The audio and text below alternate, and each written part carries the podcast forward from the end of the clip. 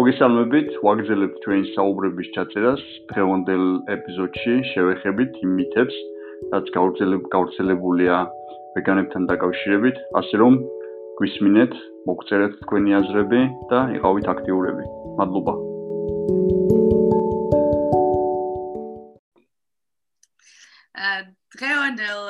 ეპიზოდში უნდა გავაგრძელოთ ის თემა, რომელიც ერთხელ ერთხელ წამოვიწყეთ. ჩემი აზრით ძალიან საინტერესო და ძალიან ძალიან სახალისო ამაზე საუბარი. განვიხილავთ იმ стереოტიპებს და იმ მითებს, რომელიც შეგვიქმნეს არა ვეგანებმა, ხორცის მჭამელებმა და განუწყვეტლივ ამაზე არის საუბარი. ჩვენ მე მგონი ყველა ვეგანს უკვე მომზადებული შაბლონური პასუხი გვაქვს ამ ყველაფერზე, მაგრამ იმდენად ხშირია ეს კითხვები და იმდენად ინტენსიურია და ხანდახან იმდენად ემოციურია ხოლმე ამაზე პასუხის გაცემა, რომ გონია რომ ეს ეპიზოდი რომ თლიანად იყოს აი ამ ყველაზე მოთხოვნად თემებზე, შეგიძლია უბრალოდ ჩაულინკო კომენტარებში და პასუხი გაცემულია, ხო და ეხლა მე ბიჭებს მინდა დაუბრუნდე კიდე ერთ-ერთი ძალიან მნიშვნელოვანი მითი მითით რომელიც არის შემდეგი. თელი მსოფლიო რო ვეგანი გახდეს დაიმსხრევა თუ არა ეკონომიკა, იქნება თუ არა სოფლიო შიმშილი კიდე უფრო საშინელი და ასევე რა ეშველებათ იმ ცხოველებს, აი წაგვლეკავენ თუ არა ცხოველები და კიდე ერთი იყო რა ძალიან ძალიან გაძვირდება საკვები, ძალიან ძალიან გაძვირდება მცენარეული საკვები, ასე შემდეგ, ასე შემდეგ. ეხლა რას ფიქრობთ მაგაზე? ლაშა დაიწყე, ეხლა შენ მითხარი. თელი სოფლიო რო ვეგანი გახდეს, რა მოხდა? დაგვერხა? გაუ შანსი არ გავწყდებით ყველა. ხო, ანუ, აი გავწყდებით, თუ არა. მე არ გაუ. მაგდენი არ გამომითვლია მე. ან მე მგონია ის უნდა თქვა რომ აი ცოტა ეტაპობრივი იქნება ეს ცვლილება. ერთ დღეში არ მოხდება ხო რა თქმა უნდა ცვლილება. ხო არა რა თქვა ანუ ხო რაღაც ეგეთი წარმოდგენა აქვს ამ ადამიანებს რომ ჩვენ იმ ერთ დღეს ველოდებით თუმცა ყველანი გახდებიან ვეგანები და დაიქცევა ყველაფერი. ხა შენი წარმოდგენა მითხარი როგორ უნდა მოხდეს ცვლილება? ჯანსაღად ხო ანუ მაგ ძირითადად მაგ პერსპექტივიდან სვამი გითხვას რომ ხვალ ყველა ვეგანი გახდეს მე რა მოხდება და რაღაცა ჰიპოთეტური კითხვა ასე მგონია. ისეთი არარეალური რაღაცა, რაც რაც არ მოხდება რა და სწორად ის თქვი რომ ასეთი ვიდეოები, ჩასალინკი ვიდეოები უნდა გავაკეთოთ, რომ თავიდან და თავიდან ახსნა არ მოგვიწიოს, იმიტომ რომ რა თქმა უნდა, უცებ ყველა ვეგანი არ გახდება და შესაბამისად იმდენი მილიარდი ცხოველის რამდენიც ახლა ყავს, ერთად საზრუნავი არ გაგვიხდება. ეს შეიძლება იქნება სტაბილური ალბათ ამდენადაც გაიზრდება ვეგანიზმი, იმდენად შემცირდება ხორცის მოხმარება და აი ბოლოს როცა ბოლო ადამიანი გახდება ვეგანი, ალბათ რაღაც ხოველების დარჩება, დარწმუნებული ვარ ჩვენ გვექნება იმის ეს რესურსი, რომ აი სანქციონი რო გავაკეთოთ აცხოველების მოსავლელი ტერიტორია რომ მივცეთ, სადაც სანამ არ მოგტებიან ის ცხოველები, მაგალითად მედნიერი ცხოვრებით იცხოვრონ. რა თქმა უნდა, ხო. აა ეკონომიკა როგორც ამ ამ ყველაფერზე აიწყო ეკონომიკა, ისე გადაეწყობა ვეგანურ კვებაზეც. ბევრმა არის ის, რომ ასეთი კომპანიები, რომლებიც აწარმოებენ ცხოველ პროდუქტებს, არის სუბსიდირებული სახელმწიფოს მიერ, ანუ სახელმწიფო უხდით მათ ფულს, რომ რაღაცა გამოიყენონ თავის ხარჯებისთვის და შესაბამისად, იმიტომა ხშირად ასეთი იაფი ხორცი, ფერმული ხორცი და რძის ნაწარმი. აა იგივე მხარდაჭერა რო ქონდეთ ფერმერებს, რომლებსაც სცენარიული საკვები მოყავთ, აა დარწმუნებული იგივე ხო, იმდენად უფრო ადვილი იქნებოდა ამ ყველაფრის გაკეთება და როგორც ვიცით, ასე ტერიტორიაც ნაკლებია საჭირო ბევრად. მაგას მაგიმაც სამიდოდა რა, აი, რამხელა რესურსი და რამხელა ტერიტორია. მიდის იმაზე, რომ აი ეს რაღაცა გაურკვეველი სასაკლაოები და რესურსი, ადამიანური რესურსი ნამხელა ჭირდება. და როგორ აბინძურებს ეს სამყაროს? ხო ის ტერიტორიები ჩვენ რეალურად იმ ტერიტორიაზე დავთესოთ კარტოფილი და სოიო ამას მე მგონი ამაზე შვიდობიანი რა უნდა გავაკეთოთ. ხალხი დასაქმებული იქნება და მე მგონია რომ საკვები პირიქით გაიაფთება და ბევრად უფრო ჯანსაღი იქნება ასეთ შემთხვევაში. სოიოზე ხშირად იყენებენ ამას რაღაცა ვეგანიზმის საწინააღმდეგოდ რომ აუ სოიოს წარმოება აკეთებს გარემოს და ყველაფერს რაც ყველაფრის მასიური წარმოება რაღაც დონეზე ანგრევს გარემოს სოიოსიც მათ შემთხვევაში, მაგრამ დაახლოებით სოიოს 80 თუ 84% გამოიყენება ისევ იმ ცხოველების გამოსაკვებად, რომელსაც ჩვენ მიყენებთ. ასე რომ ეს ადამიანები ძალიან ნამდვილად არა. ნამდვილად ხო, ანუ რა რესურსიც მიდის იმ ცხოველების. რეალურად ჩვენ აშვებით ცხოველებს, ყვებავთ, ხეთქავთ იმისთვის, რომ მე ჩვენ ვიყვებოთ იმ ცხოველებით. ანუ ძალიან დისტოპიური არარეალური რაღაცა არის, მართლა, მართლა. და ამასობაში ძალიან ბევრი ადამიანი, ძალიან ბევრი ადამიანის იმის საშუალებაც არა აქვს, რომ თუნდაც ის იაფიანი ხორცი იყიდოს და ის იაფიანი ყველი იყიდოს და შიმშილია ჩვეულებრივი. ანუ როგორი არასწორი დისტრიბუცია ამ საკვები რესურსის დედამიწაზე და პლანეტაზე. მე მგონია, რომ ეს მასიური ვეგანიზმი ამ პრობლემას ძალიან მარტივად მოაგვარებდა. თუმცა ალბათ იქნება რაღაც პრობლემები მერეც. შოთა, შენ რას ფიქრობ? აი რა არის ყველაზე დიდი პრობლემა მასიური ვეგანური სოფლიოსი? ჰმ. საინტერესოა. ალბათ რაღაც პერიოდში დედამიწის მოსახლეობა ძირითადად მცენარეული საკუთზე იყო და მე ფაქტიურად როდესაც კითხულობ ეხა უფრო და უფრო მეცნობებს იმოშვებით ხო ისტორიულად ვაგროთ ეხა დამალული ხო აღარაფერია უკვე ყველაფერი ამ ამოსულია მეცნიერებს უკვე 1000 ჯერ აუთ გაანალიზებული უკვე რა როგორი კვება გქონდა და როგორ როგორი იქნება მომავალი კვება კიდე. ესე რომ ამ ხრივ ამ ხრივ ხო კარგი კარგი დასაიმედებელი ის არის რომ ესე იგი დედამიწას შეუძლია და აქამდეც შეეძლო და მომავალშიც შეეძლება რომ ადამიანები გამოყვებონ ძალიან სრულყოფილად მოხდეს ადამიანების გამოყვება და ის მასიური ესე ვთქვათ ფერმერული ფერმერული წარმოება ხო?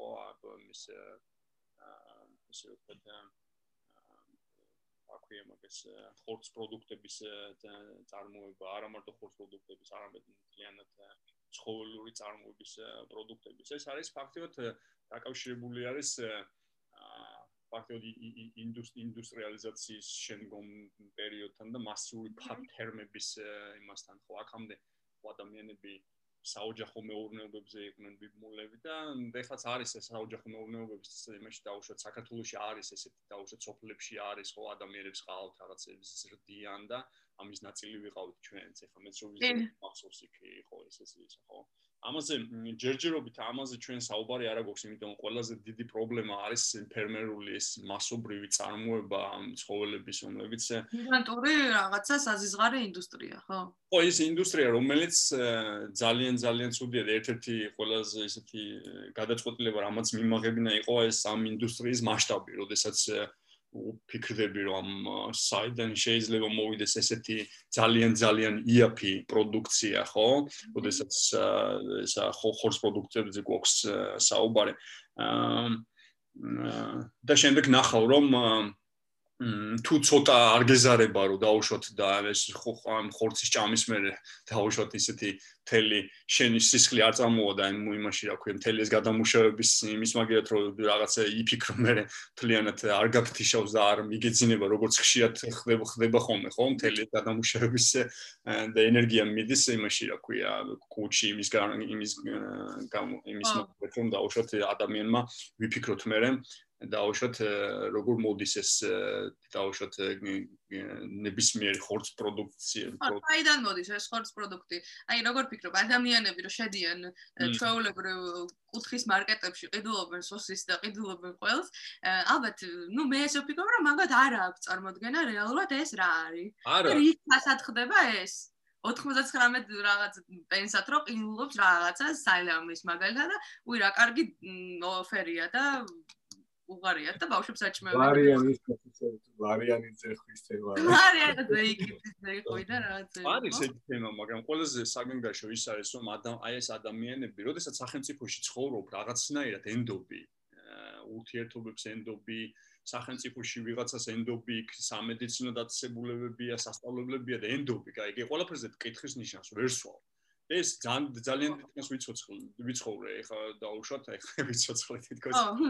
200 წლის მართალი ხარ კი კი ან იმის გამო რომ შენ თუ დაუშვათ აი მაგალითად პირდაპირ ხო ხო სწავლობდი არა სან მქონდა აი პერიოდში რაღაც ესეთი დისკუსიები როდესაც შესულხარ დისკუსია დისკუსიაში ლექტორთან ან სტუდენტთან ან რა ვიცი ნებისმიერ იმაში და ამაზე დაგიწყიათ საუბარი. მე არ მქონია ეს. აი ძალიან ძალიან იშვიათად მართლა აი კარგ ქვეყნებში სადაც ეს ძალიან ნებისმიერ ქვეყნებში ნებისმიერ ხა იმით სწავლობდი აქ ერთ ლაშა უფრო დიდხანს ცხოვრობს სწავლობს კიდე. ესეთი ესეთი ის კითხვები არ არ იმას არ იმაშუება და მე გამოდის გამო გამო გამოდიან ესა რა ქვია ჩვენაერი ესეთი ვეგანისტი და ეუბნებიან ხალხს რომ აი ესა რა ქვია იკითხა ნუ ჩვენ ვეუბნებით რომ უფრო მეტი აქტიურები უნდა იყოთ, გაიგე? ნუ დაუჯერებთ დაუშვათ იმას, რაც დაუშვათ. ეს რაღაცა იდილიას არ ღვევს ამ ადამიანების. ეს და ძალიან დიდი აგრესია მოდის ამ ვეგანების მიმართ, რომ ესენი რაღაცებს გვაიძულებენ და როცა სინამდვილეს ლაპარაკობენ, ხო? და რაღაცა სიმართლეს ეუბნებიან და აი ეს რა ფენომენია, რომ ადამიანს სიმართლის გაგონება არ უნდა. ურჩევნია ტყილში იცხოვროს, ნაკლები კითხვა დასვას. ესე ხო, ძირითადად ადამიანებს აქვთ ემოციური ბარიერი იმისა, რომ ანუ ვეგანიზმი, ვეგანი გახდეს, არნიშნავს ის, რომ რაღაცა უბრალოდ ყვება შეცვალო და ამას მოყვება იმის შიში, რომ ანუ სოციუმში როგორი ცვლილებები მოყვება ამას, სოფელში თუ ცხოვრობ ჩემი თანასოფლელები ან ან მეგობრები ქალაქში რა სიტყვიან ამ თემაზე და ხშირად ეძებ ისეთ გასამართლებ არგუმენტებს, რომელიც ხელს შეგიშლის, რომ ვეგანი გახდე და ხშირად ასეთი ადამიანები და მგონის მოდის მგონი ასეთი კითხვები. აი ისე თავიდან პირველ კითხვას რომ დაუბრუნდეთ რა მოხდება რომ მას ყველა ვეგანი გახდეს და ყველა ვეგანი რო გავხდეთ შეუძლებელია ყოველ შემთხვევაში მეცნიერება დღეს გვეუბნება რა მოხდება ის იმ შემთხვევაში თუ გავაგზავნებ ჩვენ ეს უკვე ყველა მიცით რაც მოხდება და საშინელი პერსპექტივა ხო რომ რაღაცა ახალი გვეცა და როგორც შოთამ თქვა აქტიურობა საერთოდ არაა ხოლმე არც ანუ ხშირად ეროლდება ხალხი მას რომ სახელმწიფო მოვა და გეტყვის ისა რა ქვია პარლამენტარი მოვა და გამოცხადეს რომ შენ უნდა ან ბიოლოგიის მასწავლებელი ან ლექტორი ან ვიღაცა და ხშირად ყველაზე ბოლოს იცვლება ეს სახელმწიფო სტრუქტურები და საჯარო დაწესებულებები ყველაზე ბოლოს უბავე მხარს უკვე თუინა მეცნიერება აი რაღაცა ავტორიტეტი ახლა ჩემთვის ყოველთვის იყვნენ ექიმები და სამედიცინო სფეროს წარმომადგენლები და მე რაც ახლა ეს ვეგეტარიანელი და ვეგანი პაციენტი მივსულა. 1000 ერთხელ ხო ვიმოწმებთ თავს და ხან ანალიზზე მივედი და ხან რაღაც შესამოწმებლად და აი არა ძალიან იშვიათად რომ ჯახის ექიმისგან თერაპევტისგან წამოსულიყო დადებითი პოზიტიური რაღაცა ფიდბექი ამაზე რომ მე ვარ ვეგანი. პირიქით, აი ყოველთვის ექიმიც კი, რომელიც გონია რომ ყველაზე გამოცდილი და ნაცავლია ამ სფეროში, ეხლა მე ვიცი, მე შემილია რომ ფაქტები ამოვალაგო და ვთქვა რომ თითქმის ყველა გულის დაავადება მოდის იქიდან რომ გადამეტებულად ბევრ ცხოველურ პროდუქტ პროდუქტს მივიხმართ. რატო რატო ესეთი ადამიანები ვის ჩვენ გჯერად აქვს ეს აი რატო სამედიცინო პერსონალი ამაზე არ საუბრობს? რატო მედიცინა უარყოფს იმას რომ ეს არის თავი და თავი ყველაფრის მოგვარების. მე შემიძლია ჩავხდე ამ იმაში აქვია კითხვის იმაში. ხო ვიპასუხე აა სხვათა შორის მე რო გადავედი პირველი ისა ხო? პირველი პირველი მახსოვს პირველი ნაბიჯები და მახსოვს, ოდესაც ფოტოშოპს მე გავესინჯეთ კიდევაც უკვე ანალიზები ავიღეთ და ჩემი ანალიზები ძალიან კარგი იყო. ერთი რაც იყო დანაკლისი რაც ჰქონდა და D ვიტამინის იყო, ეხა ინგლისში მზი არ არის და ყველა მის ეს დანაკლისი არსებობს და ამიტომ D ვიტამინს იმოშებული დაქვია ვიღებდით, მაგრამ მე რაც აღმოაჩინე ის იყო, აი ხა თვითონ აი ხა ეს ციგნს რო ვახსენე საინტერესო ძალიან ძალიან საინტერესო ციგნი არის. თვითონ დოქტორ გრეგორი ამბობს რომ თვითონ მედიცინის სტუდენტი იყო რომ თვითონ სამედიცინო პერსონალს უტარდება 8 საათი ნუტრიციოლოგიური მიმართულებით. ეს იმას ნიშნავს რომ 8 საათი რეალურად არაფერი არ არის. ან შენ ახლა რეალურად მობილი გაქვს შენი ცხოვრება მთელი და დრო კითხულობ იმაშები და ეს 8 საათი ექიმისთვის რეალურად არის არაფერი. ძალიან ბევრი ექიმი მყავს მეგობარი მე საქართველოში როდესაც ვესაუბრებოდი ხოლმე. არ არის ეს მე მე ვისურვებ და ალბათ უფრო მეტი შენ გეცოდინება ესა რა ქვია შენი გამოცდილებიდან ეხა ამ ბოლო პერიოდში აღარ აღარ მიწევს დაუშვათ საქართველოსთან დაუშვათ ექიმებ ექიმებთან ურთიერთობა მაგრამ ვიცი რომ ეს მოდის აი სასწავლებლების პრობლემა ექიმებს რომ ეს ხელოვნურად ხო არ არის შექმნილი რომ აი ეს თემ საერთოდ ჩავკლათ არ ვისაუბროთ ამაზე გავყიდოთ რა შეიძლება მეტი წამალი დავტესტოთ ამ საცოდო ცხოველებზე გავიკეთოთ ბევრი ანტიბიოტიკი. ესეც ხო ძალიან დიდი ინდუსტრიაა და პირდაპირ მიბმულია ამაზე რა ეკონომიკა. ეს დაავადებების, აბსოლუტური დაავადებების შემდეგ მკურნალობა. ვიცით რა არის ამის მკურნალობა, რომ არ ჭამოთ შხამი, მაგრამ მაინც ვაკეთებთ ამას, იმიტომ რომ ექიმი გვეუბნება, რომ ხორცი აუცილებელია, თქვა. რამდენი სწორია ხარ? ლაშა აი ცი ყოველთვის ადვილია იმის კეთება, რასაც აკეთებდი ყოველთვის, იმიტომ რომ სულ კომფორტის ზონაში იყავი და არ გჭირდებოდა რამე ახალი სწავლა. ჩემი აზრით მე არ ვიცი ექიმი, როცა ექიმი გახდება, მას მე სწავლას როგორ აგძელებს, დამოუკიდებლად აგძელებს თუ ანუ ეს მოეთხოვება თვითონ ორგანიზაციების მიერ. მაგრამ ჩემი აზრით ყველა ვალდებულია ასევე ექიმიც, რომ პროფესიაში გამვითარდეს და თანამედროვე ინფორმაციას და წყაროებს აუბას ხარი. ხო, რა თქმა უნდა. ბოლო რამოდენ რამოდენ რამდენი ათასი კვლევაა უკვე, რამდენი კვლევა ის თვითონ შოთაც რო არჩვენებდა ახალ ციგს, ის ციგნი მთლიანად დაფუძნებულია კვლევებზე, ხო, ყოველთვის ყოველ წელს რაღაცა ახალი კვლევა იდება და თითქმის ყველა კვლევა იქითკენ მიდის, რომ სცენარიული კვლევა არის ჯანსაღი, მცენარეული კვებით შეუძლია ადამიანს ცხოვრების ნებისმიერ ეტაპზე იცხოვროს ჯანსაღად.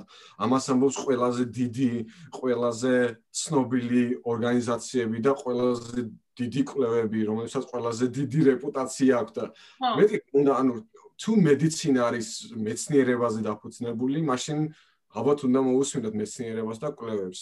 როცა ვერ ხედავთ ამ ცვლილებებს სამედიცინო სფეროში ალბათ რაღაცა დამოუკიდებლად ჩვენ ჩვენ მე პირადად დამოუკიდებლად ხშირად უფრო ხდები რამჭის ვიდრე. კი მართალი ხარ ხო მაგრამ მე თავიდან აი სულ ახალი დაწყებული მქონდა ეს ვეგანიზმი და ჩემ ოჯახის ექიმმა მითხრა რომ უიო ეგო მცენარეული კვება მხოლოდ მცენარეული კვება აუცილებლად გამოიწვევსო ალცჰაიმერსო და მაშინ ძალიან შემეშინდა ახლა რა რომ ხელა რაღაცა 18 19 წლის რაღაც ვიგრა ვიყავი და ძალიან შემეშინდა და მე ჯგუფშიც რამდენჯერმე დავპოსტე და ძალიან ბევრი კვლევა გამომიგზავნეს ბავშვებმა რომ პირიქით ანუ არ შეიძლება ესეთ რაღაცები საუბარი ეს არის ყველაფერი ამოტრიალებული ცრო ინფორმაცია აი ცრო ინფორმაცია რომელსაც ჩემი იმ მექიმ ძალიან დიდ პატივს წემ დღემდე და მიწევს ხოლმე მასთან მისვლა მაგრამ აი როგორ უნდა ვენდო მე ეგეთ ადამიანს რომელიც ჩემ წინააღმდეგ გიტყვის აუცილებლად იმას რაც ასწავლეს რამდენიმე ათეული წლის წინ ხო და აი მაგ მაგ თემას რომ მოვაყოლოთ ახლა შოთა. აა კიდევ ერთი ძალიან ესეთი მსხვილი მითი არის რომ არაზრუს ვეგანები ანუ არაზრუს არ არიან 100% ჯანსაღი და ვერაზრუს ვერ იქნება მათი ყვება 100% დაბალანსებული. ყოველთვის იქნება გასაგებია ეს B12 და ვიტამინი აა კიდე სხვა რაღაცების ნაკლებობა. ეხა შენ როგორ ცხოვრობ და როგორ უნკლავდები მაგ საშინელ ტანჯვას B12-ის ნაკლებობას საერთოდ რა მითია რა არის მე12?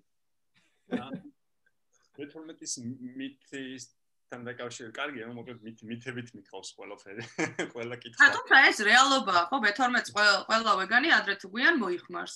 და ამას არ უნდა გადაუსვათ ხაზი. მაგრამ რატო აღიქოს ხალხი, რომ ეს არის საშიშროება? ხო, და მოიხმარს და არა მარტო მე12 ადამიანებს, რომლებიც ეგეც წოდებული ესე ძალიან ესე ტრადიციულად იკვებებიან უამრავი დანაკლისია არა მარტო არამედ უამრავი ვიტამინების. ამიტომ ამდე ხშირად არის ხოლმე აი ეს ვეგანებზე ერთ-ერთ ერთ-ერთ ერთ-ერთ კინკილას იმერულად რო თქვა ერთ-ერთ ერთ ამ იმაზე საუბრობენ როდესაც როდესაც გავსინჯოთ ეხლა აი ნებისმიერი ადამიანი რომ ესე ხშირად ვუბნები ხოლმე ჩემს ვიზეშენს აი წავიდეთ ერთ ერთ გავესინჯოთ ეხლა მე და შენ და ავიღოთ მე სამედიცინო დასკვნები და შევადეოთ ეს კარგი იქნება შორის ვისაც უნდა გამოპირდა პირი იქ შეგვიძლია ესე კარგი, კარგი სპორტულად სპორტულად ეხლა სპორტი მიყვარს ბავშვობიდან სპორტში ვარ ჩაბმული სულ და აქაც ვეგანი რაც გავხდი 5 წელიწადი უამრავი ენერგია წამოვიდა და ესა რა ქვია მოკლედ ეს ენერგიას ხან წყალ წყალში ხან ველოსიპედით ხან ესე ხან ესე მოკლედ საში უშეტი ენერგია მოდის. ეს რომ ადამიანებს ვისაც რამე აკლია ის ენერგიას ვერ გზნობს პირიქით ეს ენერგია ის არის რა ქვია. ამიტომ როდესაც ხორცს ჭამთ იმდენი ენერგია მიდის ამ გადამუშავებაზე რომ საერთოდ აბსოლუტურად ეს ენერგია აღარ ჩება რომ ესა და პირიქით ჩვენ შემთხვევაში პირიქით ჩვენ ვართ ფაქტიურად ესე რა ქვია ენერგიის წყარო უზომო წყარო არის. ესე რომ არცელებული ისონ თითქოს რაღაცა ესეთი გვაკლია ეს არ არის. რაც თავარი არის ვიტამინი გვაკლია ეს არ ამგონია ვეგანიზმის დასახურება იყოს. ეს აი ჩემ გარშემო ყველა ვეგანის და არა ვეგანის ადრე თუ გვიან მოიხმარს D ვიტამინს დამატ ან ტაბლეტების სახით და B12-ს რაც შეეხება, ეს მე არ ვარ ექსპერტი, მაგრამ როგორც გამოკვლეული მაქვს, მიწიდან და ბალახიდან მოდის ეს ბაქტერია, რომელსაც შემდეგ ცხოველი ჭამს და ამ ცხოველის ჭამის შემდეგ უმუშავდება ადამიანს ივსება ადამიანს მარაგი ამ B12-ზე.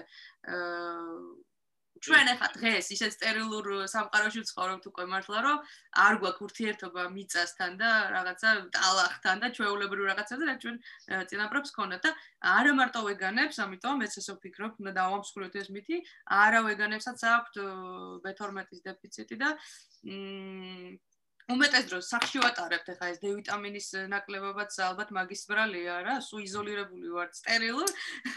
ხელზე ის სპირტი გვისვია და სახში ვატარ. და მე რა გვიკვირს? გვიკვირს რომ აი ეს ესეთი დეფიციტი გვაქვს. აი თქვენ თქვენ საყვარელი მითები რა არის რომელიც გინდათ რომ დავამსხვრიოთ?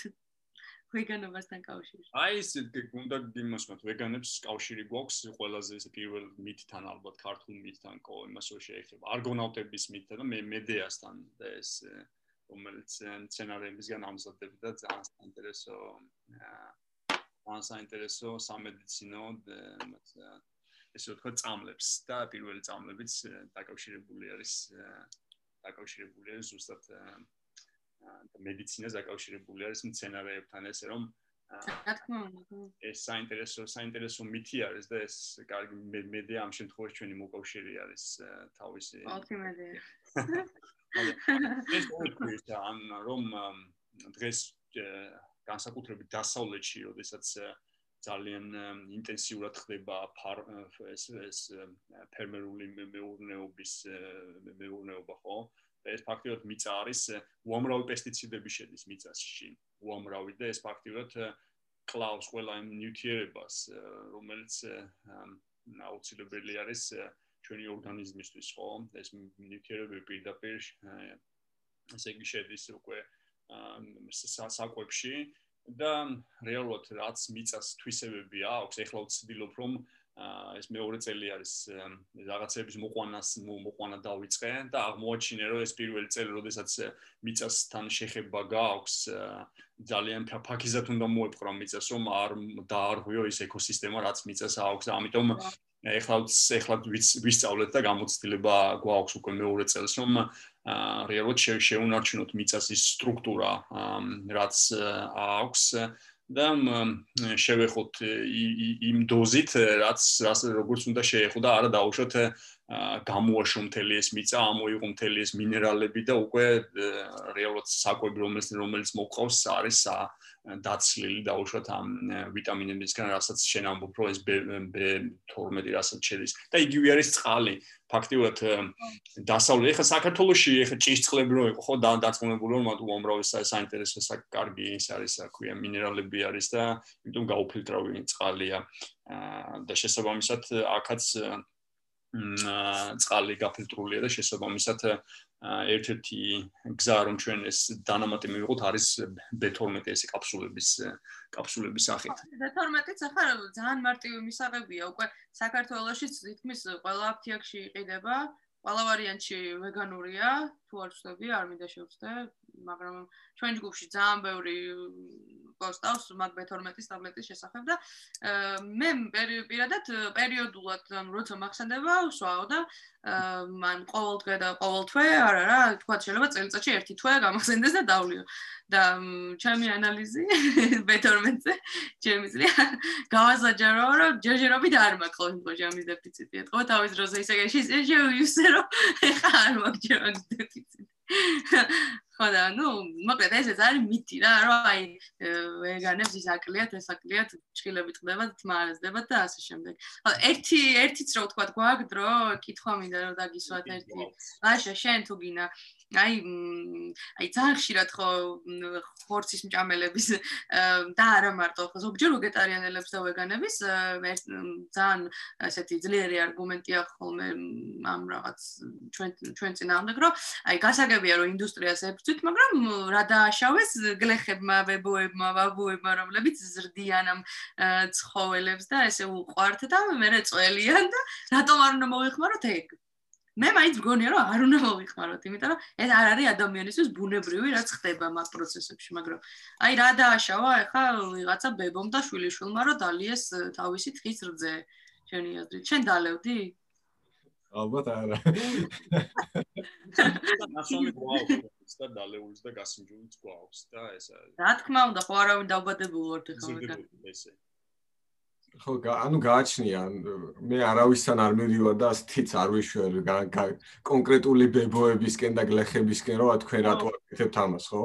აა ზოგისთვის მოსახერხებელია დღეიდან გახდეს ვეგანი, ზოგისთვის არაა მოსახერხებელი დღეიდანვე გახდეს ვეგანი. უნდა გააკეთო შენი საუკეთესო. აა რო შეძლო, მაგალითად, შეგიძლია დღეში ერთხელ ამოიღო, დღეში ერთხელ უნდა ამოიღო. თუ დღეიდან შეგიძლია გახდე ვეგანი, დღეიდან უნდა გახდე ალბათ ვეგანი. აა ძალიან ადვილია ეს. ნარუნას რეცეპტები დაგეხმარება თან.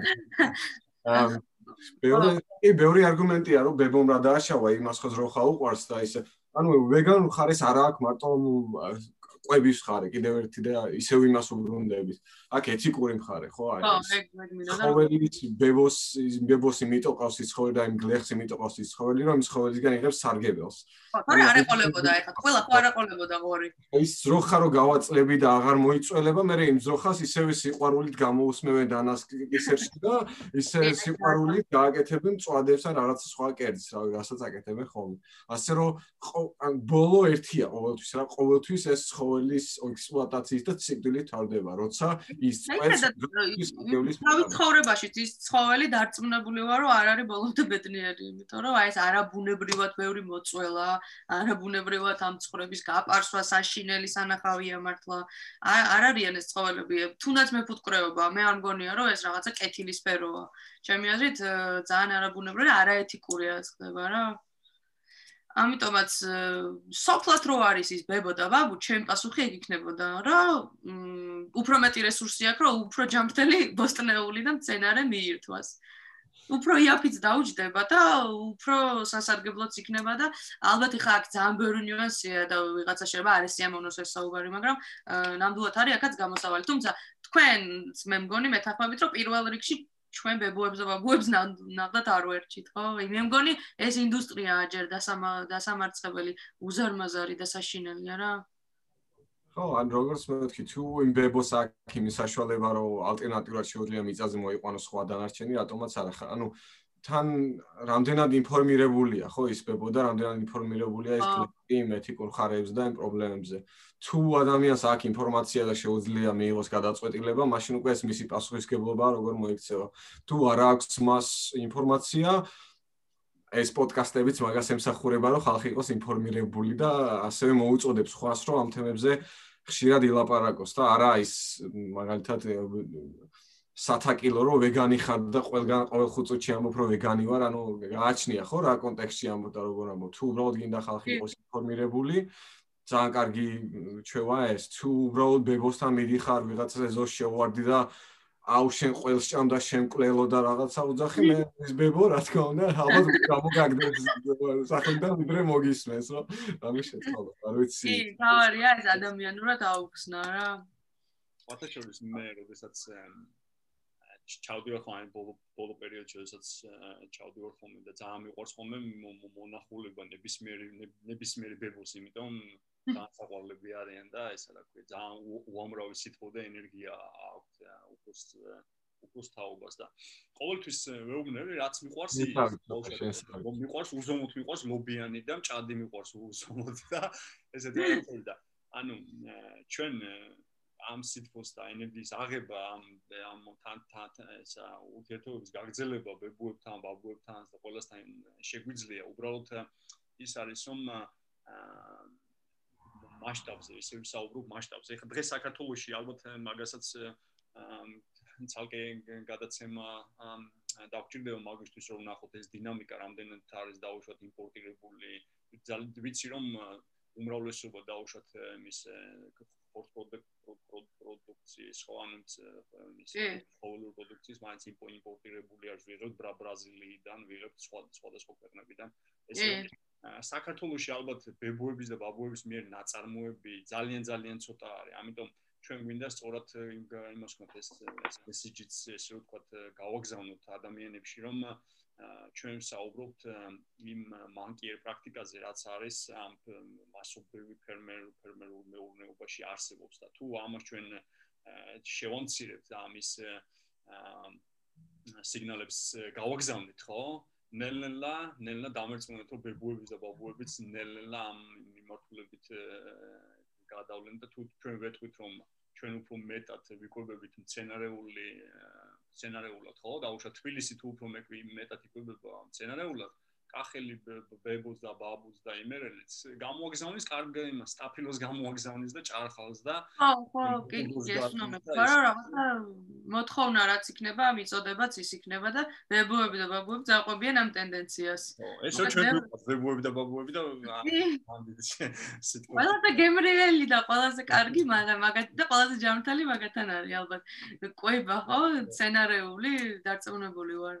და ძალიან ბევრი მაგარი რეცეპტებია ქართულ კულინარიაში ბებოების და ბაბუების და რა ვიცი რატო ეს არ არის წინა პლანზე მე არ ვერ ხვდები იმედია იმედია შეიცვლება ყველაფერი. იმედია ჩვენ რომ ბებოები და ბაბუები ვიქნებით.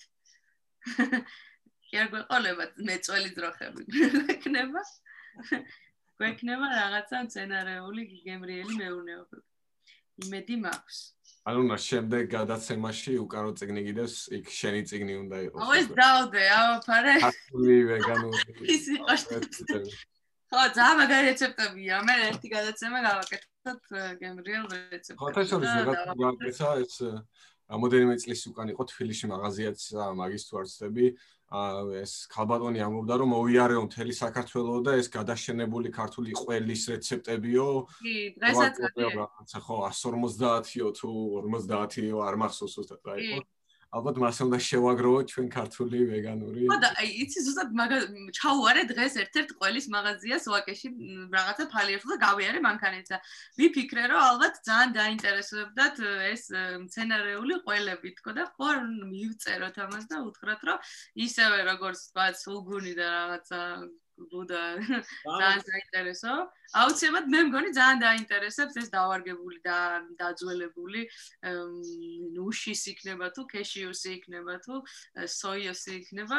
აი რამხელა პოტენციალი გვაქვს და არ კეთდა არ ვაკეთებ და იკარგება ყველაფერი. აიწყო, აიწყო. გაცენ გაკეთებული გაგონი ეს ყველა ყველაფერი უკვე ის ყველანაირი ყველი და შეიძლება უკვე ო, ისე ძალიან შრომატევად შეიძლება უცხო და მე ტეისტ ტეისტ ტესტს მიიტი შეიძლება მიიტან. ხო, უნდა გავასინჯო, მე ძალიან შრომატევადია მართლა, აი როგორც პატარა ბავშვი ისე უნდა მოუარო ამ ყველასა.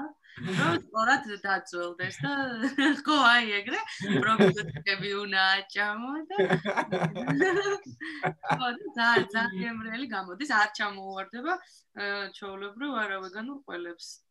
ეს ყველის თემაც მართლა ერთ-ერთი ის იყო რა стереოტიპული თემა, რომ ყველის გარეშე ვერ ცხოვრობს ადამიანი და ვეგანებმა ეგ დაამსხვრიეს, იმიტომ რომ აი ისეთი მაგარი ყველებია ბაზარზე, რომ არ უნდა შეეშინდეს არავის რა, უყველოდ არ დარჩევით. კი, ძალიან ძვირიაო ბევრი ამბოსმა, თუმცა სახლის პირობებში შეგიძლია ამის გაკეთება. სცენარო უკვებაში დევს და დროთა განმავლობაში ესეც გაიაფთება და ანუ ან შენ გაშეუძლია ბევრს ისწავლოს ასევე რეცეპტი. აა და თუ ყველის garaში არ შეუძლია ვინმე ცხოვრება, მაშინ სხვა დანარჩენია მოიღე და ყველი ჭამე ჯერჯერობით არა. კი, ნამდვილად. მე არ ვარ ძალიან რადიკალურები, ზოგი ვეგანი არის. მე ყოველთვის იმას ვეუბნები ხოლმე გამომწერებსაც და მეგობრებსაც, რომ რაც შეგიძლიათ, იმითი დაიწყეთ. რაც შეგიძლიათ, ის ამოიღეთ. მე თავიდან პესკეტარიანელი ვიყავი, თევზ ჭამდი და ზღვის პროდუქტ ჭამდი. ეხლა რო უყურებ, რატო მგონია რომ არისო ეგ დიდად სწორი ჩემი გადმოსახედიდან. ყველა რაღაციდან იწყებს, მოკლედ, ხო? კი. სწორედ საქართველოს გვაქვს ამით მეც დაამთავრებ იმიტომ ჩვენი გადაცემაც ალბათ ნელა სულ ყველაზე კარგი ტრადიცია რაც არის საქართველოს ალბათ შემდეგ გადაცემებში და ვისაუბრეთ ამაზე არის მარხვის ტრადიცია რომელიც როგორც ძალიან მაგარია. მარხვა მარხვა შემოინახეთ ეგ ძალიან მაგარი თემა. სპორტს ასე სულ სულ ხდება და ეს ძალიან საინტერესო ტრადიცია რომელიც ფიქრობ რომ არა მარტო ადამიანის ესე ვთქვათ ხორცს აისახება, არამედ მის სულიერ განწყობაზე და მსოფლმხედველობაზე აისახება, ესე რომ ჩვენ ძალიან ბევრი ტრადიციები გვაქვს, რომელიც საინტერესო არის. ამიტომ ტრამაგაგები ტრადიციულებიც ტრადიციულებიც შეიძლება ვიყოთ. კი. სულ მარხვაზეა რა? უკვე დიდი მადლობა ანუ. მინდა მარხვას. ბიჭებო. კარგად, კარგად მომავალ ეპიზოდამდე. აბა დროებით, დროებით.